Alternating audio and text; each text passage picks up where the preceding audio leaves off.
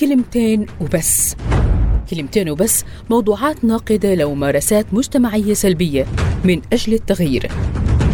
كلمتين وبس لتعزيز النفس وتنميتها من إعداد وتقديم مراد السبع.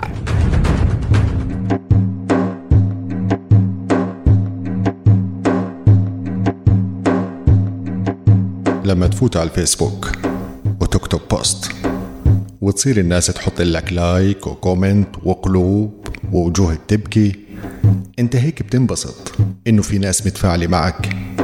وبتصير انت هيك متعود على شي بيسموه في الإنجليزي instant gratification. أي إنك بتاخد نتيجة ال post أو أفعالك في لحظتها. ويمكن أصلا الشخص اللي حط لك like ما قرأ المنشور. بس انت راح تتعود على هيك. وراح تصير تفكر إنه الحياة الواقعية ماشي هيك. يعني إنه نتيجة أفعالك ومحاولاتك لازم تاخدها في ساعتها أو لحظتها. لا يا صاحبي الدنيا غير هيك. لما بدك تعمل مشروع وفشلت المرة الأولى والثانية والثالثة راح تقول خلص ما عاد في فايدة من محاولاتي. وراح تحبط وتيأس. لا اتأكد إنه راح تزبط ما دمت بتحاول. اتخيل لو أديسون اللي جرب عشر تالاف مرة لحتى اكتشف الضوء وعمل مثلك. وأحبط. كان إحنا هلا بلا نور. حاول كل مرة.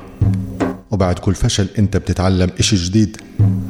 وإذا ما زبطت في النهاية معناته هاي مش النهاية. لأنه النهاية أشياء جميلة.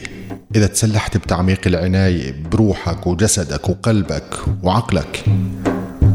بدك تعرف إنه الأشياء الجميلة بتصير وهي مش مستحيلة. ممكن تكون صعبة بس خليك مؤمن بقدراتك وإنه ما في شيء ممكن يعوق مسيرتك في الحياة إذا اقتنعت إنه إرادة الله فوق كل شيء. بس برضو السعي مطلوب منك ومنك أنت وبس.